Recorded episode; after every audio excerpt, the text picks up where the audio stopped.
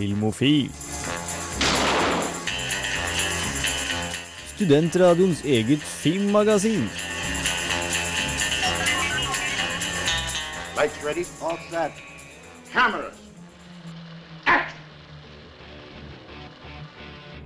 Hjertelig, hjertelig, hjertelig velkommen skal du nok en gang være til Filmofil her på Radio Revolt i Trondheim. Ditt uh, flaggskip innenfor alt som kan krype og gå innenfor filmens fantastiske, deilige verden. Mitt navn er Jens Erik eh, Våler, tilbake igjen i byen etter en litt lengre påske... Påskeferie, jeg på å si. Sommerferie. Påskeferie. Nå roter du fælt, eh, Jens Erik. Um, og selvfølgelig, som alltid, så har jeg med meg Camilla i studio. Hei, hei! Halla. Og jeg har med meg Kristine i studio. Hallo, hallo. Uh, hvordan går det med dere? Har dere det bra? Ja, Ja, veldig bra. Mm. kan ikke klage. Blitt mye god film i sommer. Jeg har jo ikke møtt dere før nå, jeg, egentlig. Så- Nei, vi snakka mye om det forrige uke, alle de Vi, var, vi anbefalte så å si alle, tror jeg. Nesten. Altså, det var Ja, så highly recommended alle sammen. Ja, mye bra. Kjenner du igjen musikken, eh, Kristine? Ja, det gjør jeg. det. For de som ikke vet det, uh, dette er temalåta fra Pacific Rim. Den feteste filmen jeg har sett i sommer. Den må ses. Jeg vet jeg har sagt det til deg sånn fem ganger allerede. Jeg, syns, jeg syns det er så rart, liksom. Fordi her har du eh, filmen som jeg har sett trailer for ekstremt mange ganger nå. Det er sånn Ja ja, nei, vi har noen sånn uh, alien invasion fra under havet. Men det er bare sånn Det er awesome. Ja, ja, Akseptere men, det. ja, men det, jeg tror det, liksom. Men det høres Ja, jo men akkurat samme var jeg før. Jeg vet det, men Men det, så det så det den. høres så svada ut. At, Det. At jeg har fått den her anbefalt av samtlige her i studio, og andre folk i radioen. Og ikke nok med det. Folk har ikke bare vært og sett den én gang, folk har betalt fra lommebøkene sine to ganger for Yes. å se den. To ganger. Men bare sånn- hør på musikken, da! Ja, ja, det er awesome, liksom. Jeg, jeg tror det, men jeg syns det er dritweird. Likevel, Bare liksom. se den, og så er du på andre siden, så kan du forstå det. ikke sant? Ja. Det er det, det du må. Du må, rett og slett. Ja, Det er pålagt. Det er hjemmelekse for neste ja, gang. Ja, OK, greit. Ja. It's, it's uh, noted. Deal, avtale. Uh, tilbake til litt eh, brass tax. I uh, dagens sending så skal vi snakke litt om uh, filmen som handler om Liberace, som har kinopremiere denne uka. Og selvfølgelig skal vi innom litt grann, kino, nei, DVD-premierer. Vi skal innom ukas filmlåt, vi skal anbefale en TV-serie, og vi skal prate generelt mye om film. Det tror jeg blir eh, bra. Men før den tid, her får du Driver Friendly Messi Dona her på Filmofil.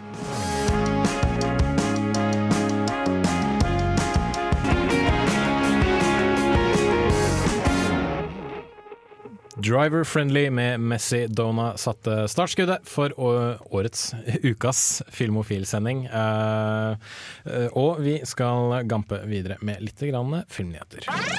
Filmofil gir deg nyhender fra filmen og fjernsynets i spanende verden. Du Kristine, hva har du på PC-skjermen foran deg? Jeg har en eh, ja, kanskje, kanskje gladelig nyhet til noen. Jeg vet ikke helt hvor mange som gleder seg over enda en eh, Pirates of the Caribbean-film. Altså, Jeg ble litt skuffa over fireren. Jeg likte fireren faktisk bedre enn treeren. Ok. Jeg likte, for Treeren var det dårligste, det var bunnpunktet. Men så, på at det var nye folk i fireren, så likte jeg den bedre. Jeg syns treeren var ok. Jeg syns fireren var dritt. Men det okay. er nå meg. Ja, ja. Men nå kan du glede deg til noe enda mer, og det er altså Vi har fått en offisiell tittel av det, det som er nyheten. Ah, okay. Eh, og det er Pirates of the Caribbean, Dead Men Tell No Tales. Og det var kanskje opplagt at det måtte komme en annen Pirates-film som het det. Jeg trodde at det var en tittel på en av Pirates-filmene fra før. da. Jeg Nei, var du har sånn- Dead Man's Chest og ja, okay. uh, End of the World eller noe. Det er veldig mange døde World- menn World i liksom piratenes verden. Ja, det er sant det er. Ja, nei, jeg husker ikke tittelen på alle sammen. Jeg, jeg, heter, jeg husker Dead Man's Chest, The Black Pearl. Black Pearl, uh, Dead Man's Chest og World's End. At World's End. Ja. Og så er det da On Stranger Tides, Ja, som er den fjerde. Uh, og så er det da tydeligvis den Dead Men Tell No Tales, Ja, uh, som skal regisseres av uh, Joakim Sandberg og um, What's His Face, han sistemann. Uh, Joakim Rønning. Joakim Rønning og Espen Ja. Sandberg, det er det de heter, ja. Uh, som lagde Kon-Tiki. Det, det- kan bli annerledes. Det kan bli annerledes. Uh, de har i det minste laget én film om hvordan det er å være på båt. Ja. Uh, så, og de har liksom laget én krigsfilm. ja, og de har da- laget én sånn banditt-cowboyfilm. Mm. Og det, er ikke liksom, det burde ikke være så vanskelig å bare sånn fjerne cowboyer og liksom gjøre dem til Bare pirater. Ja, alle? Bare slå alt sammen. Ja, ja, De er jo til. uten tvil de mest Hollywood-ish eh, regissørene vi har her i Norge, i hvert fall. Det er sant. Sånn at eh, sånn sett så kanskje det passer for, uh, for Eller kanskje Disney. det bare handler om hvalfangst, det veit vi jo ikke. Piratene går legit og begynner å fange hval istedenfor. Ja, kanskje. Uh, uansett, uh, lykke til til dem. Det kan jo bli spennende å se hva som skjer. Eh, for fans av eh, Edgar eh, Wright, Simon Pegg og Nick Frost, så har jeg dessverre en litt kjip nyhet. Det er nemlig at den tredje filmen i den såkalte Cornetto-trilogien ikke kommer på kino i Norge. Nå er jeg skikkelig forbanna. Det er veldig irriterende, for eh, de av oss som likte f.eks. Shaun of the Dead og Hot Fuzz, har liksom gleda seg veldig til, til denne filmen. Fordi det er liksom endelig da, dette samarbeidet med disse fantastiske kreative kreftene igjen. Og eh, den har høsta veldig mye gode ord fra uh, utenlandske kritikere, men Norge sier uh, nei, vi bare kjører den rett på DVD, vi. Men det er veldig klassisk Norge i forhold til sånn britisk film, føler jeg i hvert fall. da. Kanskje. Uh, Men det her er jo altså Hot Fuzz be, Begge de to andre var vel på norske kino, var det ikke? det? Nei, jeg tror ikke det. Var det ikke det? Nei. De var kanskje ikke det? Jeg tror Hot, Hot Fuzz, Fuzz var Hot Fuzz var det. Ja. Shaun of the Dead kom vel rett på DVD, Ja, tror jeg. Ja, okay. Men da har, du, da har du en president i hvert fall, at det burde Mm. komme på kino. Og det, jeg skjønner, skjønner ikke Når den er såpass stor, altså, så burde man kunne få Ja, den på kino. nei, altså- alle snakker om den, det er helt latterlig. Ja, det de sier da er at til tross for at den har fått uh, god kritikk, så har den gjort det ganske dårlig sånn salgstallsmessig Ah, okay. på kino, Uh, selv i Storbritannia. Så det kan rett og slett ha noe med det å gjøre, rett og slett. At det er uh, De bare sier at nei, salgstallene det varer ikke overens med hva vi håper at den kan tjene inn, så da bare slenger vi den rett på DVD. Det samme gjelder med uh, This Is The End, som er en, Ja. også en sånn katastrofefilm, uh, humor, eller komediegreie, med da Å, herregud, da, hvem er det som ikke er med? Ja. Eh, James Franco er med, Michael Cera er med. Uh, han er andre stoner-kompisen til James Franco er med. eh, Seth Rogen. Seth Rogen, ja, er takk. diverse komediefolk som skal da oppleve apokalypsen. Den kommer også rett på DVD. da. Det skjønner jeg ikke. Det er, bare, den, nei, men det er bare det er dårlig økonomi av dem, for den hadde gjort det veldig bra på kino. liksom. Jeg tror det, i hvert fall. Ja, det, det er jeg nesten helt sikker på. Du har masse komikere som er veldig i nuet akkurat nå, og som er superhot, og de spiller sammen. Du har liksom Emma Watson inni der, og Ja. du, har, liksom, du har masse forskjellige Du har Brianna, en av karakterene, hun også. Så det er sånn, den hadde gjort det kjempebra på kino, så det er bare helt idiotisk av dem. Og det tror jeg var en litt sånn lavbudsjettfilm i tillegg, sånn at den Den kunne ha Ja. tjent tilbake. ja, den kunne ha Ja, tjent ganske bra bare på kinoen, liksom. Men eh, ja, ja. Det er, de bare tenker at nei, norsk publikum, det, de vil ikke kjøpe dette her. Så da Vi liker send- ikke morsomme apokalypsefilmer. Tydeligvis ikke. Det er lies, man. Det er lies. Eh, helt eh, til slutt, eh, Kristine. du har noe om en prequel-film av en TV-serie. Ja, det er en veldig bra TV-serie med en veldig bra hovedperson som vi liker ganske godt. Du og jeg liker den veldig godt. Jeg tror Camilla liker den også, for så vidt. Ja, det er altså litt usikker. jeg.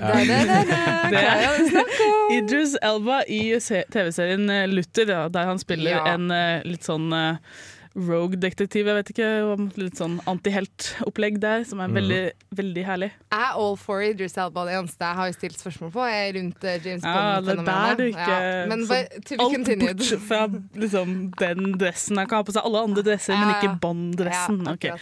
Men nå skal det i hvert fall komme en, en film basert på, eh, på TV-serien, da, så det, det kan bli awesome. Det tror jeg, for Han passer til storskjermen, og han må være så mye på storskjermen som mulig. For han er awesome. Mm. Ja, helt enig. Han er en fet fyr, ingen tvil. Ja, hvis du ikke Veldig har- god i Pacific Rim. Jeg gleder meg! gleder meg. Og hvis du ikke har sett TV-serien, så se på den. Den ligger på Netflix. Det er bare å begynne. Vi skal ha litt grann mer eh, filmnyheter, vi, etter at vi har hørt eh, Åra Brått med Ha Satan Defold.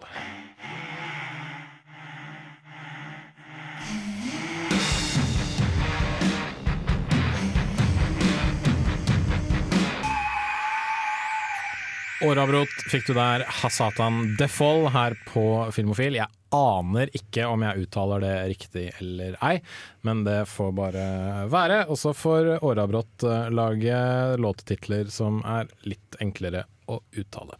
Vi skal ha litt mer filmnyheter. Filmofil gir deg nyhender fra filmen og fjernsynets i spanende verden. Og først ut, noe vi alle liker å snakke om, nemlig Star Wars. Camilla. Yeah. Um, det er fremdeles mest rykter som går rundt de nye Star Wars-filmene. Vi. Det er det vi må leve på. Ikke sant? Vi lever på det. Vi gjør faktisk det. Uh, men vi vet et par ting nå, og det er at de har satt datoen for når produksjonen skal begynne. Og det er 21. januar 2014. Cirka et halvt år til, altså. Ja. Så de håper nok at det skal komme til sommeren 2015, men det blir nok mest sannsynlig mer vinterstid, mer juletid det samme året. Da kommer den til å konkurrere mot den siste Hobbiten-filmen, oh. hvis det er mot juletider. Det blir Stakkars veldig Hobbiten, spennende. Ja, men det blir veldig spennende sånn her showdown på kino, tror jeg. Jeg tror nok Star Wars vinner. Altså. Du tror det? Ja, altså bare fordi at du, Da er det den tredje Hobbiten, og du veit at Hobbit den nummer to kommer til å ha dårligere kritikk enn eneren. Mhm. Og da kommer alle til å ha enda dårligere forventninger til treeren. Ergo Star Wars er helt nytt og ferskt igjen. ikke Ja, sant? Ergo ja. den kommer til å vinne. Ja, men samtidig så, så har jo Star Wars alle de der surmaga folka som hatet prequel-filmene. og- Men alle kommer er til å se den De må se den for det. ikke sant? De dro Ja, det så jo- på prequelene fordi om de hata eneren og toeren. Det er sant. de og så treeren. Det er sant. Det er De gjorde for så vidt det. Eh, men ja, vi vet veldig lite om hvem som skal spille. Det er snakk om Harrison Ford, Carrie Fisher og Mark Hamill skal komme tilbake. De, det er også snakk om Ryan Gosling og Zac Efron. What? Nei. Altså, Ryan Gosling støtter jeg, han er flink. Ja, Zac Efron, ja. not so much. Og så, men det er én ting vi vet, for helt sikkert, og det her gleder mitt hjerte veldig. Og det er at i episode 7 så kommer i hvert fall eh, John Williams til å ha scoren. Ja, Awesome. Det så er veldig vi bra. vet ikke noe mer enn episode 7, men det holder for nå. Så Du det vet er jeg at stemninga for. blir riktig. Ja, da blir Ja. det riktig. Uh, jeg personlig vet i hvert fall at uh, Mark Hamill, Carrie Fisher og Harrison Ford er litt for gamle og litt for feite til å spille rollene de har spilt Ja, før. men- Men det har alltid vært et forsøk. Jeg vet, og det har vært kult hvis det bare har vært noen statister som har gått i bakgrunnen. Å, by the way, der er Luke Ja, men det blir, det blir mer Det blir mer en tribute til alle fansen. Liksom. Bare sånn at du har han som bare går forbi at han er en eller annen person. Liksom. Så lenge de ikke prøver seg på noe sånn eh, X-Men Last Stand med det der, eh, Patrick Stewart som data... Ja, at de fikser på, nei, nei, nei, deres. Hva i Nei, verden nei, er nei, det? Nei, nei, det er freaky. Det, det skal de drite ut, uansett hvor mye dataanimasjonpenger de har. Ja. Men eh, det blir spennende å se eh, i løpet av sånn 2014 hva vi ser fra liksom, trailere og, Mm. og, og stills og sånt. Så dette blir kult. kult. Og eh, fra Star Wars til en annen ting vi alltid er glad i å snakke om, nemlig superhelter. Fordi hvorfor ikke? Uh, ok, uh, To store superheltting har skjedd, eller det har skjedd en del superheltting i løpet av sommeren. Men det ene er jo at uh, Batman og Supermann skal møte hverandre i en oppfølger til Man of Steel. Så Som- alle nerder gråt av glede. Ja, som alle regner med kommer til å være liksom Supermann versus Batman. Uh, ikke nødvendigvis at de slåss sammen, men at de mest sannsynlig kommer til å slåss mot hverandre. Uh, Henry Cable er tilbake som Supermann, og hvem som skal spille Batman, det tror jeg overraska veldig mange. Ja, mildt sagt. Ja, For det er nemlig Ben Affleck. What? Og jeg, jeg vet på forhånd at vi i studio er litt sånn Splitta akkurat splitta på akkurat det her. Ja. Fordi Camilla, du, du støtter ikke dette i det Nei, hele jeg mener at det her er en dårlig idé fra absolutt alle parter. Det er sånn Ben Affleck han er dyktig, liksom, for all del, eh, men eh, Supermann-greiene her har han gitt et forsøk før, og det gikk ikke veldig bra, ifølge min mening i hvert fall. Jeg vet Mhm. at vi er litt uenige om akkurat det her òg. og så jeg vet ikke, Han har gjort en bra rolle som en, eh, en, en regissør nå, og liksom bør liksom ha litt mer, da. På, Så han burde ha regissert den nye Batman? Nei, nei, det blir helt feil. Han burde bare holdt seg unna Nei, generelt. det, bare, det blir feil, liksom. Det bare, det bare wrong. Det er wrong. Wrong. It's wrong, man. It feels wrong. Uh, jeg var litt skeptisk, men så tenkte jeg at altså, jeg vet at Ben Affleck kan spille gode roller. Og en ting Ben Affleck er flink til, det er å spille en relativt likandes fyr.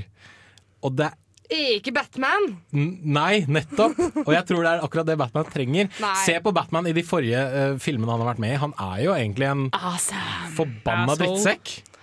Han er et skikkelig rasshøl. Oh, ja, absolutt. Slutt å, slutt å disse my Ikke friend bare, ikke, bare, ikke bare det, men han ignorerer jo alt som heter sånn eh, liksom off, altså borgerlige friheter og, og, liksom, og eh, personvern og vern om privatliv og sånt. Han gir jo langt faen i det. Så lenge du kan stoppe skurken, så er det greit, liksom. Det, Litt uamerikansk. ja, det er litt Eller sånn veldig amerikansk, egentlig. ja, det er litt sånn Det gir meg en litt dårlig smak i munnen, i hvert fall. Og det jeg tenker er at Ja, det er litt sånn sjokk. Jeg er enig med det. Det var sjokk å få den nyheten. Men det har skjedd så mange ganger at vi har fått en sånn nyhet og tenkt nei, det funker ikke. Og så har det vist seg at det har vært helt genialt. Heath Ledger, Daniel Craig Vi kan gå ja, så mange forskjellige filmer hvor du har tenkt nei, ikke pokker. Altså. Jack Nicholson som? Jokeren, for eksempel. Ingen Det- så. Michael Keaton som Batman. Det, Ikke sant? Så det er alltid argumentet jeg går tilbake til. Da. det, er, det er reserve judgment, vær så snill, folkens. Bare Ja. Men, Men det er faktisk noen artige kommentarer som har kommet opp på eh, Movie Fanatic. Mhm. Eh, og det er liksom uh, regissør eh, Joss Whedon som har eh, uttalt seg, og de tidligere Batman-skuespillerne. og Joss Whedon sier um, Affleck will crush it. Det er liksom bare sånn Han bare, Yeah. han bare yeah. Og så Val Kilmer har uttalt Give Ben chance. ja. Som jeg syns var en litt gøy gay kommentar coming fra Gay Gay, Perry. Perry. Gay Perry, ja. Mhm. Så det var litt gøy, da. Ja, altså en annen morsom liten sak er at nå eh, nylig fyr på nettet som kjøpte et, eh, et, eh, nytt utgave av spillet Kranium, som er litt sånn Trivia Pursuit med litt miming og tegning og sånne ting, bare for å oppdage at et av, et av spørsmålene allerede er utdatert. For det er hvilket av disse her er ikke, har ikke spilt Batman og Ben Et av svaralternativene er Ben Affleck. Ja, Ja. så de må jeg vet ikke, ta en innkalling av alle de versjonene, men eh, nei, det gjør de ikke. Men det var veldig morsomt. Men fra Batman, og veldig kjapt innom Supermann, fordi det har vel blitt sånn semi tre, tre fjerdedels bekreftet at Bryan Cranston skal få lov til å spille Lex Luthor. Fy faen. Uh, og vi vet jo hvor kul Bryan Cranston er i Breaking Bad, uh, som skalla, ikke minst. Mm, Og han, han kan spille skikkelig drittsekk, men jeg tror også han kan spille veldig sånn svav uh, Mm. uh, av, altså businessmann-drittsekk. Det her tror jeg kan bli kult. Så Henry Cable, Ben Affleck og Cavill. Bryan Cranston. Ja, tre navn jeg aldri trodde jeg skulle se i samme film, men uh, det skjer nå tydeligvis. Så tommel opp til Hollywood for det, i hvert fall. Uh, det har skjedd mye i løpet av sommeren. Det har det. Ja, Det- har vært ikke agurksesong i det hele tatt. Det Nei, sånn Filmnyhetsmessig så har det vært eh, Kjempemasse. slag i slag. Altså. Det er uh, gøy å se på. Men fra uh, filmnyheter til uh, kinopremierer. Du Kristine har vært og kikka litt på Mitt liv med Liberace, eller Behind the Candelabra, som Ja, det heter på som er en mye bedre tittel. Oh. Yes. Med ikke minst Michael Douglas i en av hovedrollene. Den får du høre anmeldelse av etter Crystal Stills Future Folklore.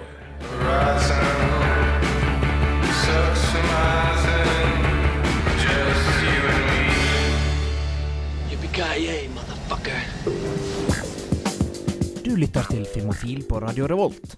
Besøk oss gjerne på våre nettsider på radiorevolt.no filmofil. Der finner du meldinger av kino- og videopremierer, og i tillegg podkast av alle våre sendinger. Har du ris eller ros, tips eller triks, kontakt oss gjerne på elektronisk post. Filmofil, krusedullalfa, radiorevolt.no.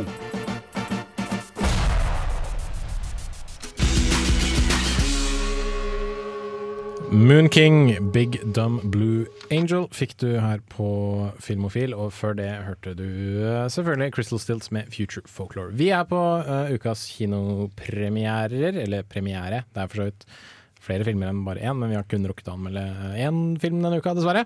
Uh, Mitt liv med Liberace, eller Behind the Candelabra, som den heter. Uh, så vidt jeg har skjønt, så ble den veldig godt mottatt da den kom ut uh, på uh, kino i USA. Ja, Eller så ble den sluppet på HBO eller noe sånt nå, tror jeg det var. den har faktisk Den har i hvert fall fått veldig bra kritikk, så jeg veit ikke hvor den ble uh, Men dette handler jo om uh, en mann ved navn Liberace. Uh, og det er Ja. kanskje ikke alle nordmenn som vet hvem Liberace er. Eller var. Eller var, Unnskyld, ja. Han er jo død, Det er litt rart å tenke på at han har gått i glemmeboken, men han har kanskje det, i hvert fall for de, de som nå begynner på, på NTNU, det, da kan jeg for kort forklare at eh, Liberace, han var han var først og fremst en eh, pianist, og han Mhm. var stor i showbizet på, ja, fra 50-tallet helt opp til 70-tallet.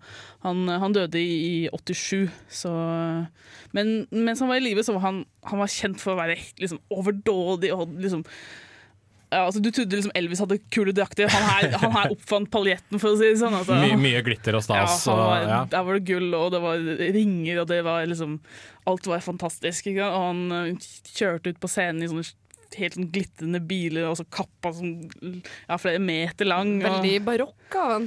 ja, kanskje litt. ja, det er litt sånn Ja, veldig bra også- showmanship. Uh, Ja, og så kunne han spille. Fy flate, han kunne spille. Altså. Fingra bare for av gårde.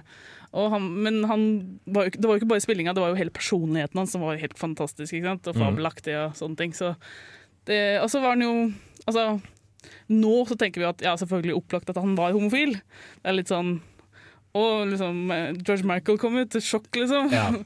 Men eh, når han var i live, så saksøkte han veldig mange som prøvde å, å si det. da. Så det var liksom en stor Han hemmelighet. Han prøvde å holde homofilien skjult, ja. Mm. Ja, så det, det er liksom litt det filmen handler om, da. Ok, og det er jo et uh, ganske stjernegal... Eller i hvert fall to stjerner i ganske store, prominente roller. Det er Michael Douglas i hovedrollen.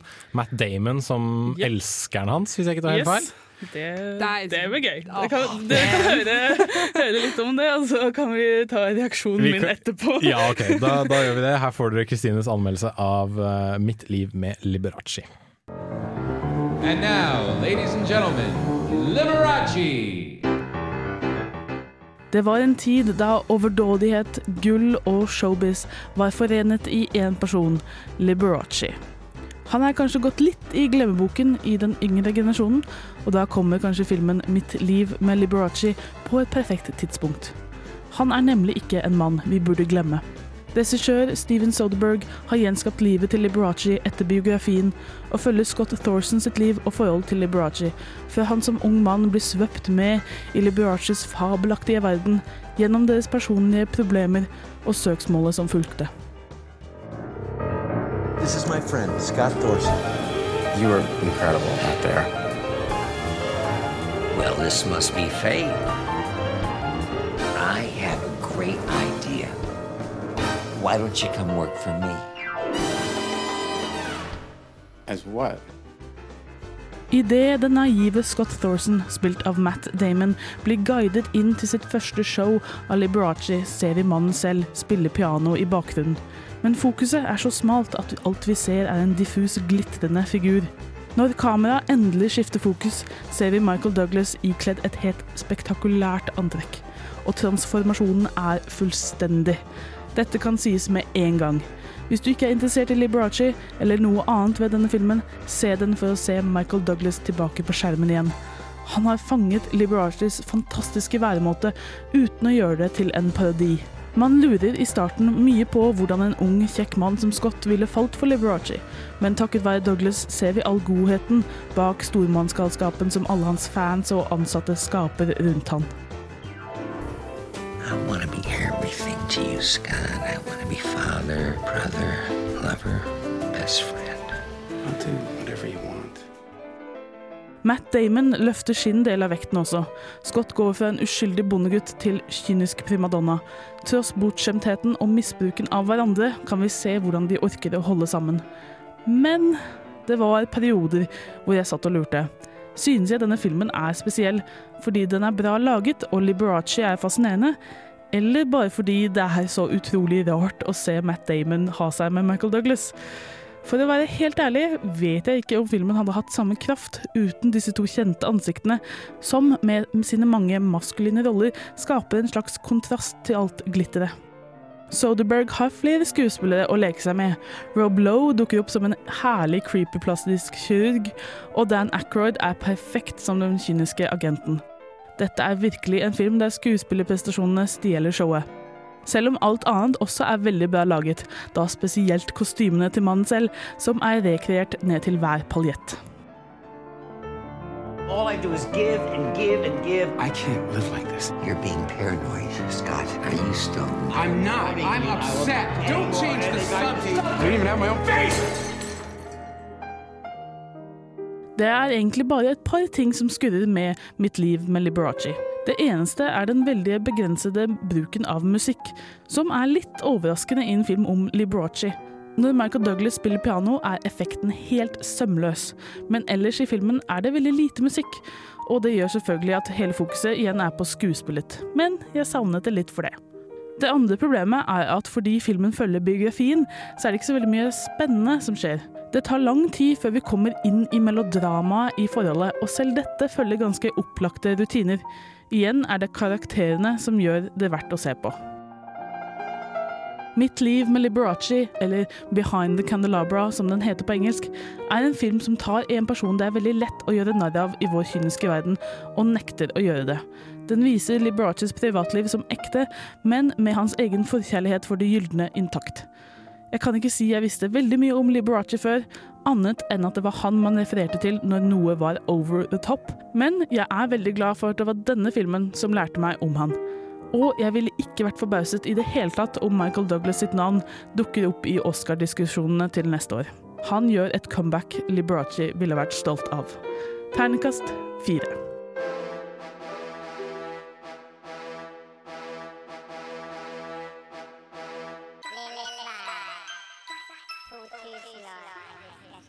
Det der var eh, Yo-guttene med 'Pengene går domere' her på Filmofil. Og hvis du ikke har hørt om Yo-guttene, så anbefaler jeg deg å google dem, for de er noen veldig spesielle fyrer eh, som annet går under navnet Han derre Linni, eh, Idol-Tone, eh, og liksom diverse andre kjendisnavn.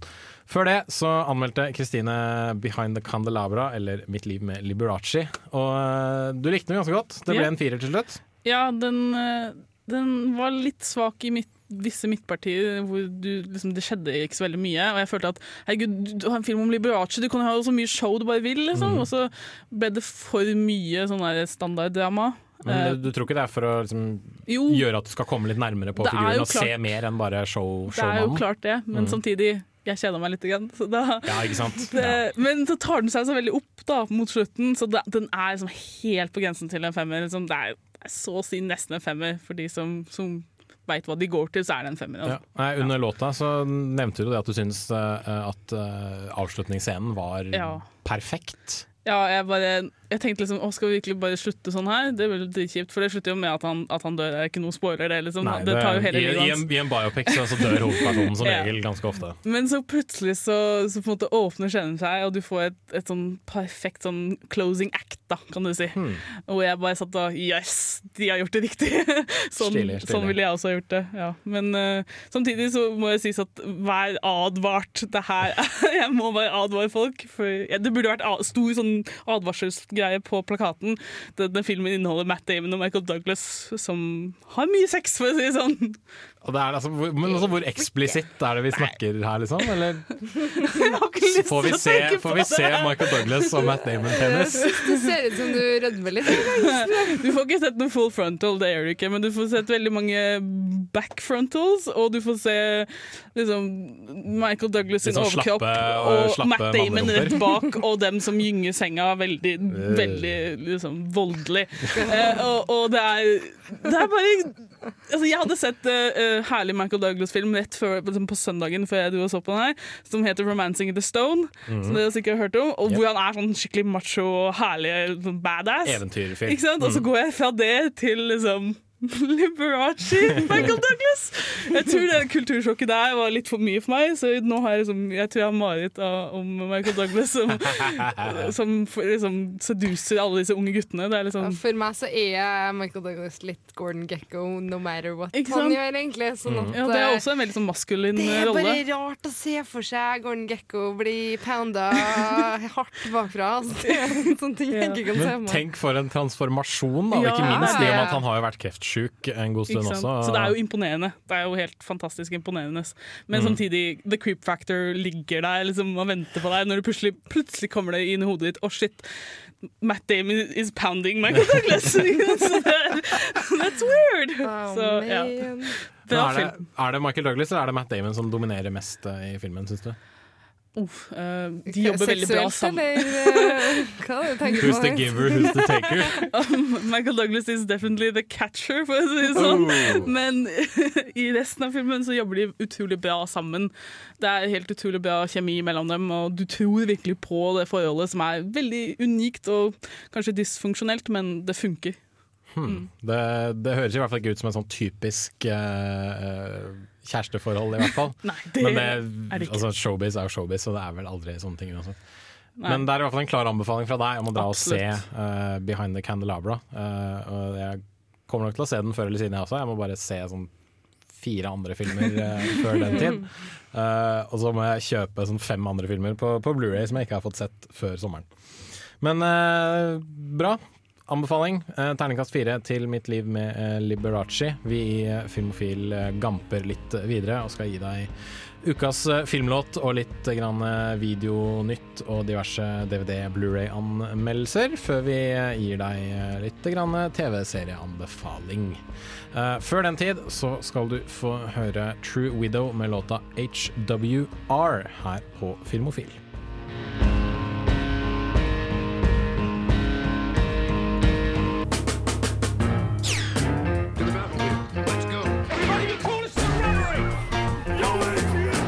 Dette er Filmofil.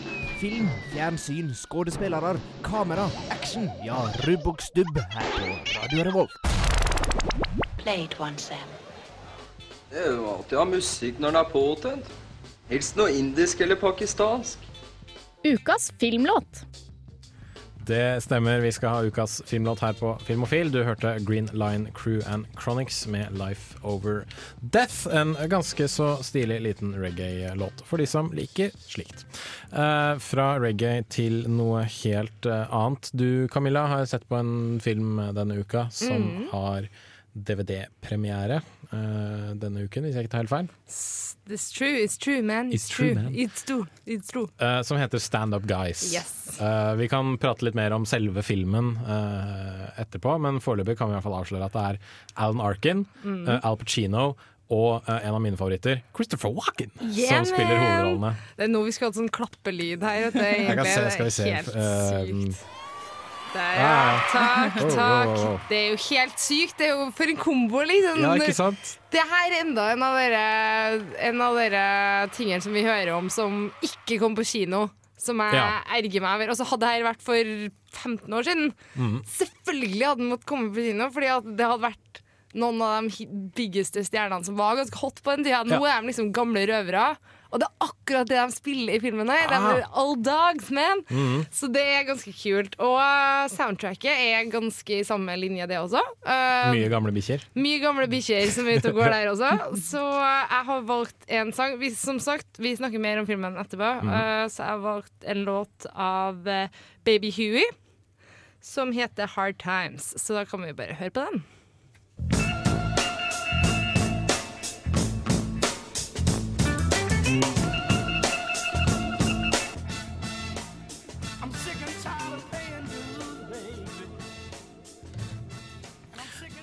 Baby Huey hørte du der, Hard Times fra uh, filmen Stand Up Guys. Uh, er det, altså, går dette her liksom igjen i hele lydsporet til filmen? Det er veldig Det sånn funky, er- souly ja, ja, ja, det, det er mye av det, da. Og så har de noen selvkomponerte låter også i soundtracket. Men det er mest sånn old school. De har noe eh, Bon Jovi-soundtrack der også. Så Det er, ikke, er det 'Living on a Prayer', liksom? eller Nei, nei, nei, nei det er, vent da, jeg tror jeg hadde opp her. Skal vi se, vi har nå John Bon Jovi, ja. Old Habits Die Hard. Og så har de Uh, Skal vi se Muddy Waters. Mm, og så Lyle Workman. Det var mye sånne sanger som jeg har hørt før, men som jeg ikke helt klarte liksom å man ikke har registrert, ja. ja. ja Mm. akkurat. Så det var, det var generelt sånn god stemning på hele soundtracket. Stilig, stilig. Men fra det og videre til det, for så vidt. For det er jo eh, Vi skal uansett ha videonytt. Nytt i videohylla. Rykende ferske digitalfilmer som du kan ha i din heim. Det stemmer det. Det er eh, spalten eh, som kalles Videonytt, der vi eh, går litt gjennom ulike filmer som kommer ut på DVD og Blu-ray i løpet av denne uken. Eh, For fans av TV-serien The Walking Dead så kan man få med seg The Walking Dead sesong tre på DVD denne uka. Eh, Så bare stikk ut og skaff deg den hvis du vil. Kristine? Ja, og en annen serie som alle må kjøpe, det er pålagt, det er Hannibal, sesong én. Oh my Jeg god. har ennå ikke sett en Å, eneste episode Ikke av jeg den heller, serien. men derfor jeg gleder meg så sykt jeg skal kjøpe den. Du skal, du skal maratone, Kristine? altså. Nei, Camilla? Ja, Dere er invitert, invitert til meg, vi maratoner. Fy faen, den serien. Herregud, den Men jeg, ja, serien. men jeg har bestemt meg for at jeg ikke skal se på TV, for at jeg har, eller på streame det. For at jeg har blitt så dårlig på å streame ting. Sånn at hvis jeg kjøper på DVD, så kommer jeg til å se hele. Bra. Og, Ja, for den er Da fantastisk. føler man et litt sånn her, eh, tvang til å, kunne, til å se Altså, det. ja, og så blir det blir mye mer som prosjekt og artig og Ja. alt sånt der. I motsetning det er det på dataen. Det går fint. Jeg kan Dette her, det, du det jeg kan si for å overbevise dere Move over Anthony Hopkins. Mats Mikkelsen er nå Hannibal. Kult. Ferdig med saken. Wow. Fy faen. Wow, mener jeg? Ja, han er awesome. Ja, men jeg tror det. Men move over Anthony Hopkins. Ja, altså, jeg, på at du ja, han kommer alltid til å ha sin plass, selvfølgelig, men akkurat Gjør, nå gjør, han, gjør han den samme sånn her slangetunge? Den f- Nei, nei. Han, det er det som er, han har sin egen Han har helt sin egen greie. Han spiller egentlig mer slags Du får nesten en slags Satan-vibe fra han. Han, han er helt Han er Wow. utrolig kul. Og han har den der at du tror nesten på at han liker eh, Will Graham-karakteren. At han har et er hjerte. sånn små Og så plutselig ja, plutselig, ja, ja. neste scene, så bare Nei, faen, han er Hannibal! ok, Okay, ja. Så du får sånn Shit, kanskje? Nei. nei. Så du God, sitter- det er sånn god dualitet mellom dem. Og ja, det er veldig rollercoaster ride. Og så bare design, designet på serien. Bare utseendet er fantastisk. Det er en fryd for øynene. Jeg føler at vi kan fylle en hel sending. Jeg, Ja, bare det kan jeg- det kan jeg lett gjøre. Men eh, hvis jeg ikke tar helt feil, så er det jo den godeste Brian Fuller som står bak serien. Som Ja. har stått bak Pushing Daisies, eh, litt av. Heroes og en, en del sånn fargesprakende serier. Så Pushing Daisies var vel faktisk uh, Ja. serieanbefalinga i forrige uke. Ja. Det var det, ja. Yes. bra link-up der, altså. Eh, men uh, videre, de som er glad i skrekkfilmer, så kan dere se Mama på DVD. Jeg har ikke sett den, jeg hører den er ganske skummel. Uh, du kan også se The Last Exorcism Part 2. eh, Eh, Misnomer. ja, det, det syns jeg også. Det, det funker litt sånn mot sin hensikt, da, at det er den siste, men det er, det er del to. Neverending Story Men kanskje det, er den, two. kanskje det er den siste delen andre delen av den siste Jeg vet da faen. Det, det er i hvert fall merkelig. Mer eksorsisme er det i hvert fall. Ja. Uh, Stand Up Guys har vi nevnt. Uh, hvis du er veldig glad i One Direction, så er det en sånn fandokumentar om uh, Direction ute. kommer det en ordentlig film ute. til neste uke. Da. Det gjør det, Uh, i 3D. Eh, Uh. oh, Sikkert en sånn god double feature med den derre Justin Bieber-3D-filmen. Katy hvis du er so og- inclined. Hvor mange andre fins det nå? Det fins bra mange nå. Uh, ja, det er Perry Jo, det er sant. Jeg tror det er tre filmer. Tre. maraton av, av Sånn er det dårlig popstjerne-konsertfilmer. Ja. Ja, ja, bare kjør på. Uh, Jungelboken er igjen ute i en sånn relansering-ting. Uh, norske filmer Eventyrland kan være verdt å få med seg. Og Iron Man 3. Iron Man 3. Hallo! Iron Man 3. Ja. Hallo! Den må kanskje nevnes først, for den var awesome. Eh, kanskje den beste superheltfilmen i år foreløpig. Ja. Syns jeg, i hvert fall. Ennå ikke fått sett Thor, selvfølgelig, men det kan jo være Og krysser fingra for at den er i hvert fall like god. Ja. eh, Tror vi egentlig det, folkens? Du, Tror Loke er vi med, da er egentlig god. Var Thor den første like bra som Iron Man? Ja, jeg syns det. Syns du? Om den, at den første Thor-filmen var like bra som Iron Man-filmen? Ja. Um, nei, men det er jo litt to forskjellige filmer også. Ja, ikke sant? Det, Jeg tror det er lettere å selge. Iron Man enn det er å selge Thor. Uh, Thor-filmen er kanskje litt enklere enn den første Iron Man var. Men den har en kule skurk. Det har den. 100 Du 000 er ganger bare er bare sykt glad i Loke. Ja, men altså. Iron Man slåss mot en større Iron Man. du- Thor okay, får slåss mot sin sin egen bror. Jeg vet alt det her. Kristine, kjære, men du må Altså- slutte på å legge så sykt elsk på Loke. Jeg har ikke det! Jeg har fullstendig kontroll. Ja, ja, sure. Ja, og så har vi også Olympus Has Fallen, som alle kan hoppe over, for den sugde. Se hele White House Down. Den, den kommer på kino, tror jeg. Ja, vi håper den er bedre. Den må være bedre. Det er fysisk Eh, umulig å være dårlig. Du kan også plukke opp The Place Beyond the Pines, uh, som, nok, uh, som, som jeg tror fikk ganske god mottakelse da den kom ut. Den har jeg dessverre ikke sett, så da kan jeg liksom ikke anbefale den uh, helhjertet. Eh, da tror jeg vi har dekka det aller meste. Vi skal selvfølgelig gå litt inn i dybden i materien på, på disse filmene litt sånn eh, etter hvert. Før den tid, her er litt mer musikk. Her får du The Dream, High Art sammen med Jay-Z. I'm, I'm, I'm tired of talking about it. Let's do it. Girl, I'm missing you like bitches miss my music. The Dream sammen med denne mediemogul-rappartistmannen som kaller seg Jay-Z. Du fikk High Art her på Filmofil, som tar for seg filmer som kommer på Blu-ray og DVD eh, i løpet av eh, denne uka, som de sier her oppe i Trondheim. Det var sikkert her, vel... eh, det var veldig bra. Det var det, Det ja. er kjempebra. Jeg tviler på det, altså. Jeg tror du bare sier det for å glede meg, eh, Camilla. Jeg vil bare at du skal være glad i det. Anywho. Uh, Iron Man 3 er ute på Blu-ray og DVD denne uka, og den eh, lukket denne Iron Man-trilogien uh, for en gangs skyld, selv om det kanskje er strengt tatt fire filmer, for Avengers har jo veldig mye med Iron Man å gjøre. Mm. Men uh, alle var jo livredde for at Robert Downey jr. ikke skulle spille mer Tony Stark etter den tredje Iron Man-filmen. Men sånn ble det jo ikke, da. Han har jo skrevet seg på Avengers 2, eh, i hvert fall. Takk lov. Men eh, som jeg nevnte tidligere, jeg syns kanskje det var den beste superheltfilmen i år. Jeg har Ja. ennå ikke sett Wolverine, men jeg hører at den, Den er, litt den er mye bedre enn Ja. Den er? Wolverine. Ja, Uh, altså, Jeg har sett X-Men tre ganger, men jeg bare Ja, ja, ja. Den er Wolverine den funker som en sånn enkel standalone-historie, men ja, du blir bare så forvirra over mm, altså, motivasjonen til alle, og, og liksom slutten er litt sånn what? Det er mye mer en actionfilm, men Ja, det en er superheltfilm. actionfilm som Ok. tilfeldigvis har en fyr som har Som er superhelt. Som, ja. som er Wolverine-klødd Ja. fyr, liksom. Mens Iron Man 3 er jo en sabla bra actionfilm og Mm. sabla bra superheltfilm. Og ikke minst Tony Stark-film, føler jeg da mest. At Ja, han er fordi badass for seg selv Ja, og er awesome. For det var en av tingene jeg skulle nevne nå, er at eh, til tross for at filmen heter Iron Man 3, så er det påfallende lite Iron Man i den. Ikke sant? Litt sånn som i Batman uh, The Dark Knight Rises. Ja.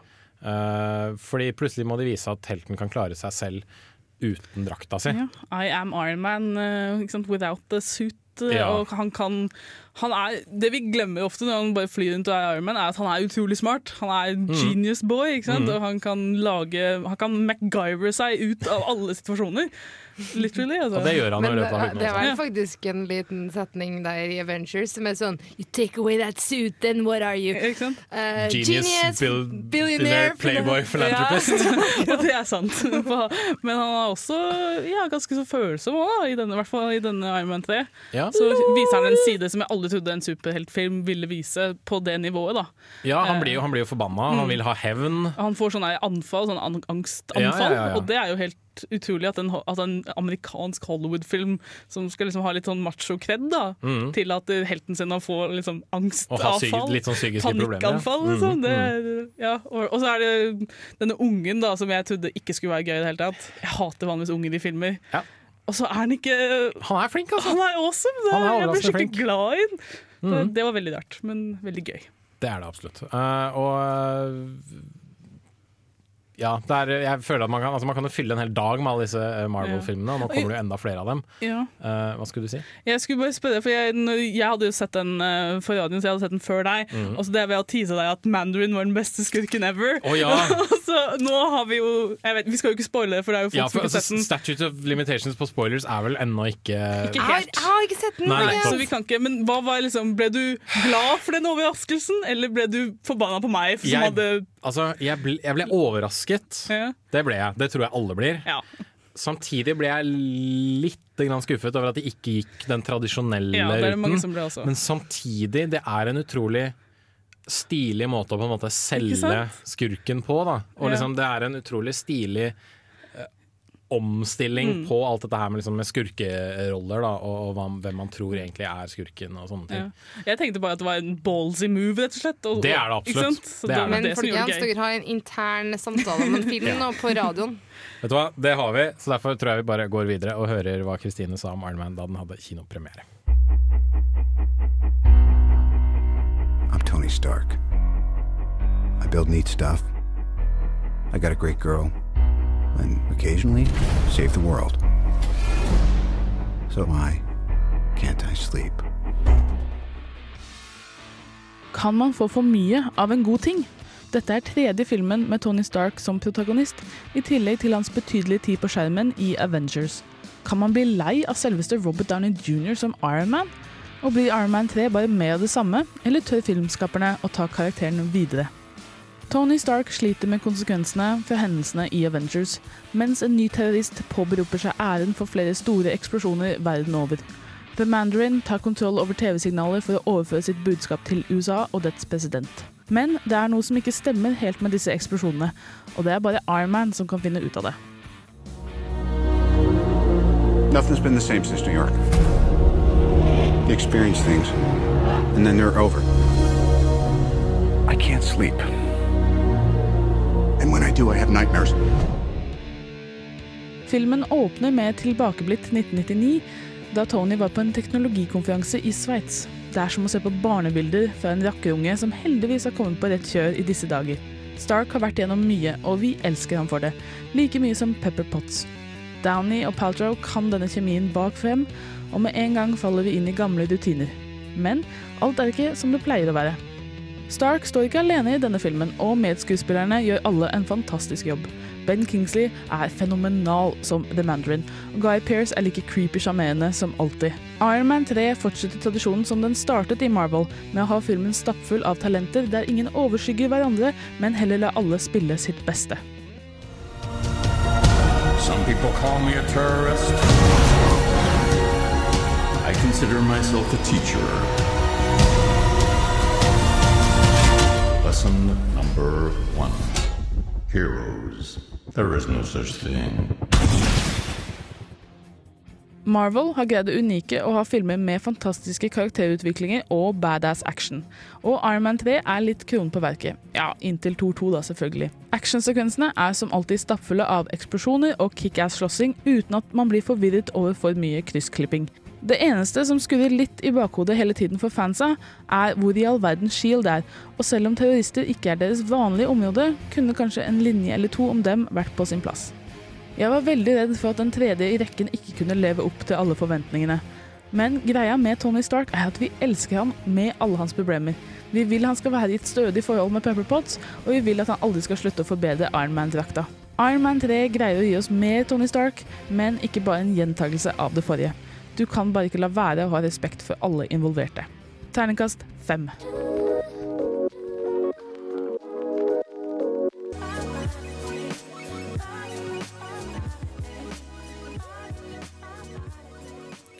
Snake Hips uh, fader sakte, men sikkert ut her på Filmofil. Du fikk On and On. Uh, og før det så hørte du Kristine snakke litt om Iron Man 3, og før det igjen så snakket jeg og Kristine enda mer om Iron Man 3. Uh, fra superhelter til uh, det jeg regner med er noe helt annet. Eh, du Camilla har sett litt på DVD-premieren Stand Up Guys. Yeah. Eh, Som vi nevnte tidligere, så er det de hva skal jeg si, gamle hundene fra Hollywood Mm. som uh, spiller mot hverandre. Al Narkin, Al Pacino og Christopher Walken. Ja. Altså, jeg har ikke ekstremt stort forhold til Alan Arkin fra før av, mm. uh, men Walken og Pacino er to av kanskje fem favoritter, liksom. Ja, det, er fair å si, det er fair å si. Eh, sånn at uh, var helt, eh, helt sykt psyched for å se det her. Altså, forventningene var ganske høye, det må sies. Uh, uavhengig av hvordan filmen her har vært, så er egentlig jeg feil person til å se den. Fordi okay. jeg er jeg er svak for guttene som spiller. Jeg er svak for gangsterfilmer. Ok. Eh, Jeg er svak for funky old school Musikk. soundtracks. Ja. Sånn at uh, Dette er bare en hel sånn trifecta for deg. Det, det blir egentlig helt riktig, da. Alt stemmer jo, alt er jo helt riktig sånn sett. Ja. Uh, men altså, vi kan jo ta kort om hva det handler om, da, før jeg uttaler meg ekstremt mye om mine meninger. Du gusher ut. Ja, akkurat. Um, Pacino er hovedrollen. Han spiller Valentine, kalt Val. Han hater å bli kalt Valentine. Ja. Um, Det skjønner jeg. Ikke sant. Og han har akkurat kommet ut fra fengsel, uh, og hans beste venn og partner in crime, Doc, spilt av uh, Walken, tar også henter han opp uh, utenfor murene. De er retired uh, gangsters, alle sammen. De var de på samme lag, uh, jobba sammen uh, back in the days. Val tok skylda for et, et av de Robson som de skulle gjøre, som gikk galt, Mhm. og havna i fengsel. Og tok og ikke sa noe, så han, han holdt seg taus, liksom. Um, I denne situasjonen hvor at, uh, hvor at den, den, det ble tatt for, så hadde han eh, mafiabossen som blir kalt Clap Hands. Han, altså den Jeg vet det. Det er helt nydelig. Eh, han hadde mista sin eh, eneste sønn i en skuddutveksling av kula til Val, noe som han Clap Hands fremdeles holdt mot Val. Så straffen til Val var at han skulle sone ut sin tid i fengsel, og så skulle han bli drept når han kom ut. Så det er hevn, Eh, hevnhistorie på G. det er en hevnhistorie, på en måte, men ikke helt. Jeg skal få lov til å høre et lite klipp før jeg snakker litt mer om filmen. Ok. So I kind of missed you. Missed you too. That just get weird? Yes. This is my best friend. Just got back from a long trip. Let's just drop the welcome home thing. Kill him by 10 o'clock in the a.m., or you're dead too. So who's gonna do it? Do what? You know what? Come on, just say it. it's you. It's me. What do you want to do until then? Det hørtes jo relativt dramatisk ut. Ja Eh, gamle kompiser må drepe hverandre, ellers så blir en drept eh, sjøl. Selv. Ja, det var det som jeg plotta. Så Doc, eh, aka, aka Walker eh, Walken har fått oppdrag at den må ta og så drepe Val når han har kommet fra fengsel. Men han har til klokka ti dagen derpå, så de bestemmer seg for å ha en alle tiders kveld og gjøre det meste ut av det. Så Og begge to er fullt klar over situasjonen hele tida. Okay. Eh, og sånn at det er litt sånn bucketlist uh, gangster-style over det. Og så er det litt sånn Thelma Louise-stemning òg, for det er litt sånn det derre We're going out, going out with a bang. With ja. bang, ja. Så det er liksom hele det der greia. Så det er ganske gøy, da. Og så er det tror skikkelig på vennskapet her, liksom. Mm. Og jeg er ganske Jeg vet ikke så veldig mye om hvordan Walken og, og Pacino sitt forhold er fra før av, men jeg kjøper at de er venner, liksom. Jeg tror på dette her. Og, Kjemien er der, ja. ja. Helt klart. Og de spiller veldig godt sammen, og det er veldig dere, samme banesett øh, i forhold til tanker og sånne der ting. Så det er liksom sånn. Det passer veldig bra, da, de to som en sånn bromance. Jeg Mm. tror på det. Uh, den siste på triolaget er Arkin. Han har blitt uh, satt inn på sånn pleiehjem da. uh, etter hans kone døde. Så han er der liksom og lever livet kjipt på lystgass og har ikke så mye å gjøre. Nei. Så de tar også, etter de har liksom straight out at ja, OK, du skal dø klok innen klokka ti i morgen, OK, da gjør vi det meste ut av det. Mm. Så buster de han ut derfra eh, i, en, i en stjålet bil, eh, som er ganske sweet. Og det som viser seg, at han Arkin er Eh, det er han som pleide å være sjåføren deres da, back in the days når de Ah. var gangsters. Og det er så sykt kult, faktisk, fordi han er fremdeles liksom, Han er OK, satt seg bak rattet, og så er det gamle mannekonseptet som kommer frem, da. For det er liksom sånn Where, Where's the key? Oh no, there's no key, there's a button. Og så bare sånn What's the button? Oh, this is like the future, sier de. Og så liksom tar hele den der på nydelig vis, liksom. Så det er helt fantastisk. Og så ser jeg noe av den råeste kjøringa jeg har sett siden Drive, egentlig. Nice. Med Arkin bak rattet, så det var helt nydelig. Eh, det er noe horehus som er involvert der, Viagra er involvert. Uh, en del steaks på den lokale steakhousen og sånn der type ting. Så de koser seg stort, da, gjør de. Um, og så kommer jo Det blir jo nærmere og nærmere klokka ti, da.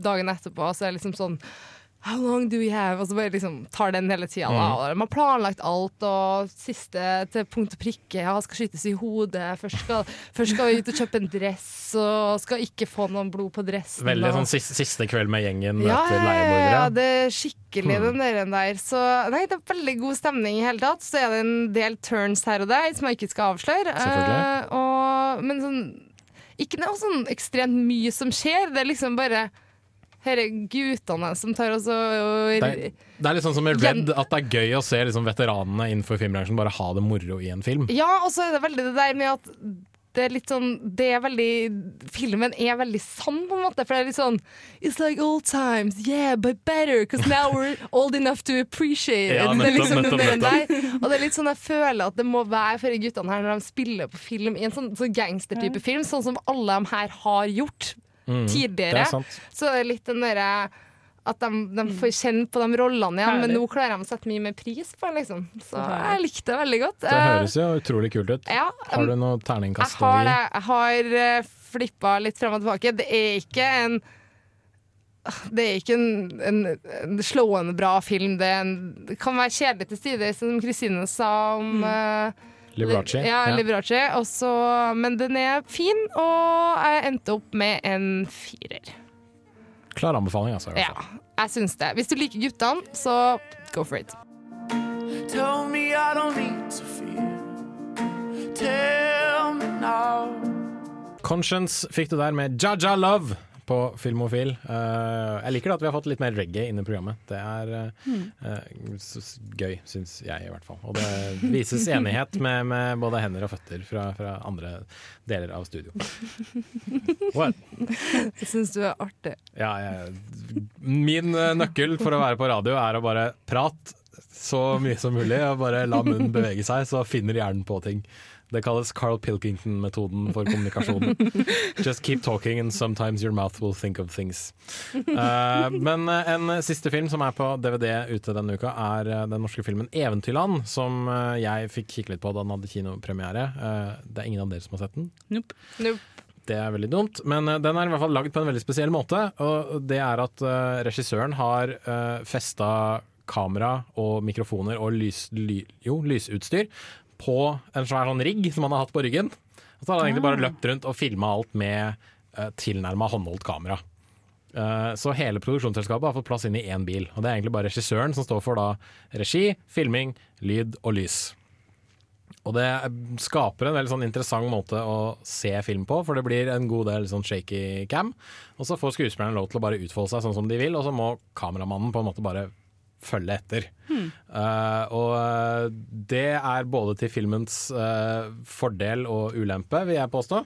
Fordi ofte blir det veldig kaotisk å sitte og se på, Uh, men noen ganger så er det litt spennende å se liksom, hva disse skuespillerne gjør da, når kameramannen ikke helt eller liksom når de ikke må følge spesifikt liksom instrukser. Ja, du må stå her, så må du stoppe der, og så må du gjøre sånn, og så må du gjøre sånn. Og så må du gjøre Det sånn. blir som et slags filmeksperiment. Ja, det er et veldig filmeksperiment, da. Og det, det funker sånn stort sett, og noen ganger så syns jeg det kanskje ikke funker. Men altså, historien i seg selv om en uh, kvinne som blir eh, Altså, hun skyter kjæresten sin og, blir, uh, og skyter en annen fyr og blir satt i fengsel pga. mord. Eh, og så føder hun i fengsel fordi hun selvfølgelig er gravid, og så kommer hun ut og så kan hun prøve å få datteren sin tilbake, og da datteren blitt åtte år, eller åtte-ti år. Hvordan connecter man da, ikke sant? Eh, det er en spennende historie, men så kommer det selvfølgelig i veien da en sånn historie om at nå er det noen fra eh, fortiden som vil eh, ta henne fordi hun har vært kriminell før, og så må hun deale med sånne digre menn på 200 kilo, da, og hun er en sånn liten pinglejente på 50. Um, jeg vet ikke, jeg syns den der kriminalhistorien på en måte overskygger det som jeg syns var interessant. Nemlig hvordan finner hun tilbake til, til familien sin, hvordan får hun vann i leiligheten, hvordan dealer hun med fuktskader. Uh, det blir litt sånn neddyssa, det syns jeg var litt uh, leit. Men det er nå bare min uh, ydmyke mening som filmanmelder. Ja, ikke alle er like interessert i den- hvordan fuktskader kommer til. Ja, sånn jeg vil tro at når du, når du har en sånn unik måte å filme på, da, så er det jo gøyere å se, å se sånne type scener hvor det er mer rom for improv mer, ja. Improvisasjon enn sånne standard 'nå skal vi komme og ta deg'-opplegg. Ja. Mm. Men da får jeg samtidig litt følelsen av at når de, for eksempel, når de slåss mot hverandre, da, og så blir hun dama dratt nedover gangen i, eh, inn i en stue for eksempel, av en ukjent fyr, og så føles det som om kameramannen må bare sånn Å, du må holde følge, ja! Så jeg må bare løpe etter jeg, og prøve å, å klare å følge med. Mm. Han vet liksom ikke helt hva som skal skje før det skjer, og da Amatørmessig er kanskje feil måte å si det på, men det, det, det blir en sånn disconnect for meg, da, hvor, fordi at uh, Du ser så veldig at det er en film. ja, du ser sømmene, for å si det på den Mm, måten. mm. Men uh, den fikk jo kjempegod uh, mottakelse sånn ellers, eh, med både femmere og kanskje et par seksere her og der, så min eh, terningkast tre da den hadde premiere, er kanskje ikke særlig gyldig. Jeg vet ikke. Men eh, hvis det høres interessant ut, kjør på. Eh, du kan alltids leie den og betale litt mindre for å få sett den. Yes. Vi gamper videre før vi gir deg litt TV-serieanbefalinger. Her får du Rytmeklubben Mentok and Me.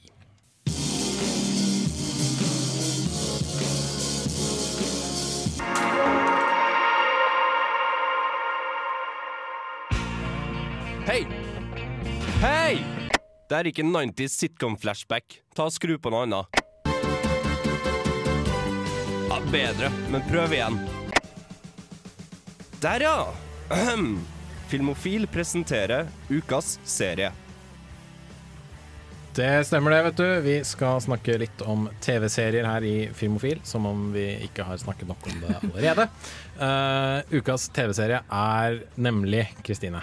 Peep Show, og det Yes. høres ikke ut som hva det høres ut som. Nei, Eller det eh, er ikke hva det høres ut som. for de som. som, trekker i tvil bakgrunnsmusikken, så er det alltid det er altså åpningslåta fra TV-serien Peep Show. Ja.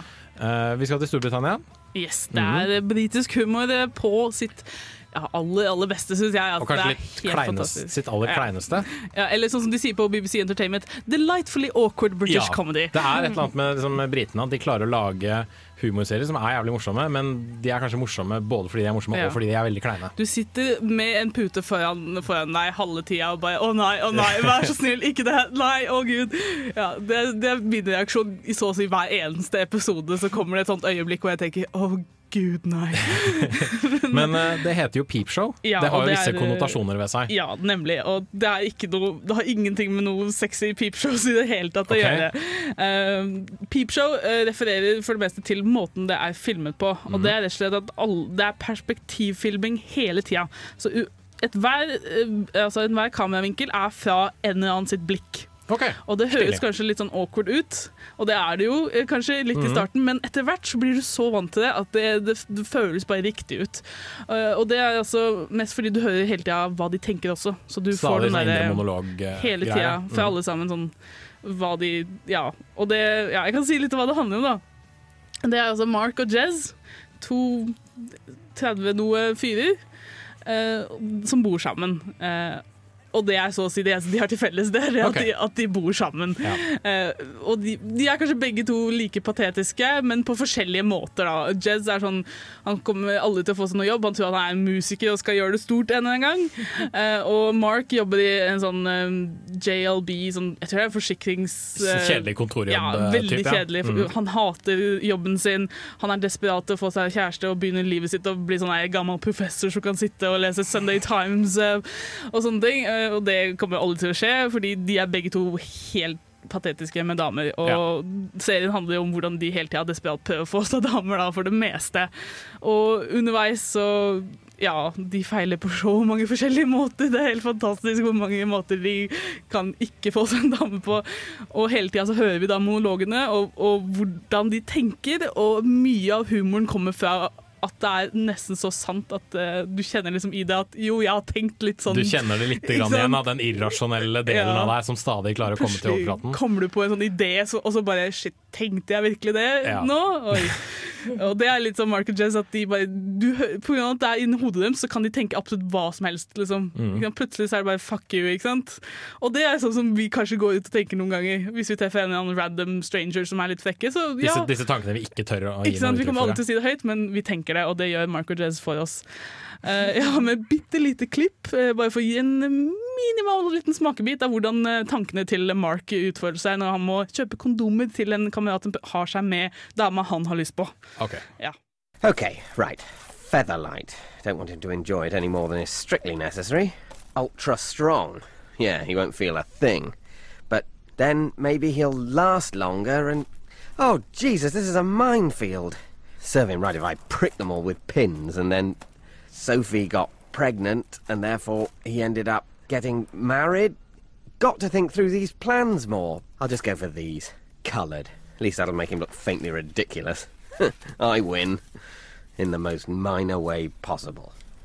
Klipp der altså fra Peepshow. Gud. Eh, jeg har aldri Jeg tror aldri jeg har hørt noen legge så mye tanker inn i det å kjøpe kondomer til noen andre. Nei, det er nok bare Mark som greier det. Men er ikke det ganske slemt da å tvinge kompisen sin til å Jo, ut men og kan jo- Det er helt jævlig. Han kan jo si nei, men han, det, Han han, er så awkward. det, han er at han, ikke sant? han er så awkward britisk at han bare gjør det han får beskjed om. Og prøver, han må være høflig. Og, ja, jeg syns så synd på noen ganger hvor, om måten han kommer seg inn i situasjoner bare fordi han, han tør ikke å si sannheten fordi han er flau. Og så blir det bare mer flaut når han ikke sier Ja. det. Ja, Og så bare går det sånn i evig sirkel. Åh, herregud. Nei, det er en av mine absolutt favorittserier. Altså, det er Du har jo brent gjennom mye av det i løpet av sommeren, har jeg skjønt. Ja, ja, hver gang jeg har hatt litt lite å gjøre, så har jeg bare sett på en episode med Peepshow. Det ligger tre sesonger på norsk Netflix. Så- Bra, bra sted å starte. Ja, absolutt. Det, det er åtte sesonger ute, og så tror jeg det kommer en niende sesong.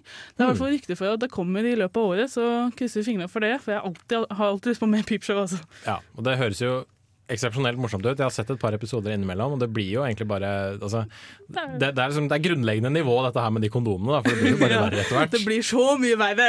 Jeg så, jeg så det er lenge siden Når du sa at du skulle ha det her som serie i dag, så var det sånn Åh, shit, det er lenge siden jeg har sett noe. Altså. Mm. Det er feel good, da. Kjempefeel good. Ja. Ja, de gutta de er bare så herlige i det at de ja, De kommer ut i sånne situasjoner, og så bare kunne de bare fiksa det hvis de hadde bare satt sannheten, men selvfølgelig gjør de ikke det. Og det, det er bare herlig, for det er sånne ting som jeg tror veldig mange gutter har en tendens til å gjøre noen ganger. Ja, godt mulig. Det er nok en del sånn gjenkjennelsesfaktor der som man kanskje ikke har eh, tenkt over. Eh, Men stilig i hvert fall. Peepshow, ukas TV-serieanbefaling. Vi ruller videre med Janelle Monet. Her får du Dance Apocalyptic. Dance apocalyptic, bandit make her dance apocalyptic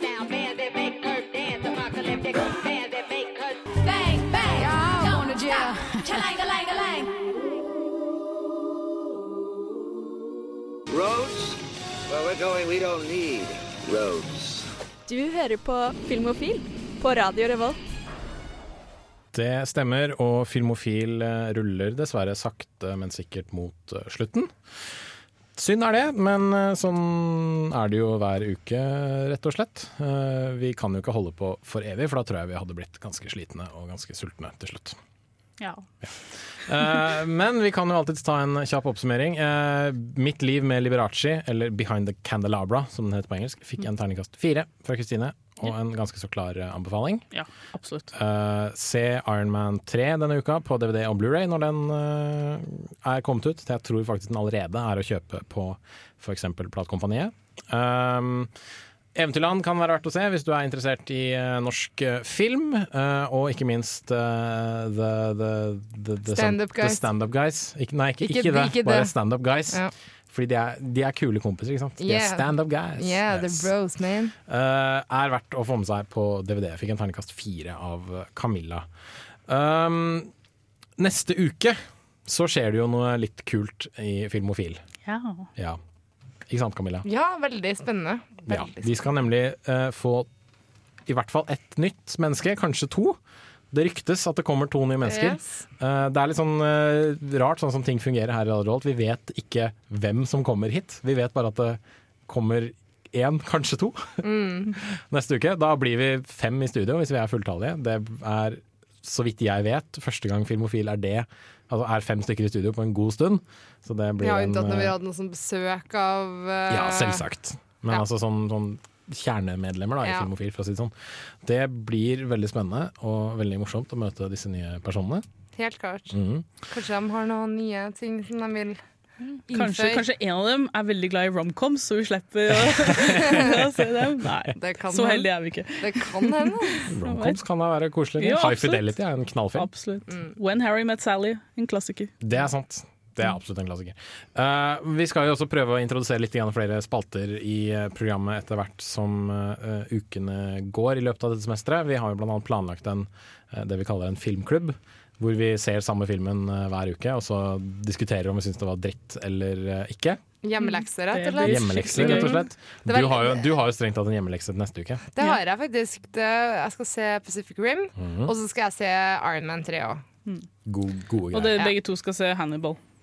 Alt. Ja, jeg skal se hva jeg har tid Ja, til det er ikke til neste uke, da. Det kan si i løpet av semesteret. kan vi si det på den. ja, det skal vi klare. Det skal vi klare. Det skal vi nok klare. Og så blir det jo forhåpentligvis da litt mer eh, gode diskusjoner ut av filmen. Jeg håper vi treffer på de filmene som liksom noen liker og noen syns er dritt. Mm. Ja. Fordi jeg føler at det er det som lager de beste diskusjonene når vi står her i Mm. hvert fall og skriker halvveis til hverandre. Sånn som, Mm. sånn som da jeg og Camilla var uenige om trans forrige Ja, og så kom jeg og ødela. Ah, det, ja, jeg, jeg, Jeg føler Nei, Edvard hva, jeg mener ikke, jeg mener ikke å røske opp i gamle Nei, sår. Altså. for Det er her Nå er jeg Ja, nei. Beklager. Camilla, at jeg ikke kunne Nei, men altså, det, jeg syns ikke at den var så sykt awesome. Jeg syns bare det var helt sykt å gi den en toer, liksom. Vi har alle noen sånne filmer. Vi skal jo ikke engang nevne Drive her. Nei, vi har krangla om. Drive eh, tidligere. Den så vi også under dette 90 timers eh, filmmaratonet vårt. Mm. Gjorde vi det? Jeg har glemt. Vi gjorde det. Vi gjorde det. Vi har nok glemt flere filmer enn vi faktisk så eh, i løpet av. Jeg, for, I mitt hode så så vi Minority Report i feil rekkefølge, altså scenemessig. Så vi Minority Report? Ja, det var den siste filmen. slutten, Hæ? Gjorde du det? Ja, ja, ja. Nei, faen heller. Ja, seriøst? Ja, ja, ja. What? Yep. What? Ja, det er helt, Helt, helt på slutten. What? Nei, det gjorde vi ikke. Jo da. Ok, uansett. Eh, sekundene tikker eh, ned eh, her. Eh, før vi sier ha det, så skal du få høre Glasser med Shape. Og så høres vi neste uke med nye mennesker og nye inntrykk og nye Yeah. filmer. Det blir kjempekult. Fram til da så sier vi ha det bra. Ha det bra.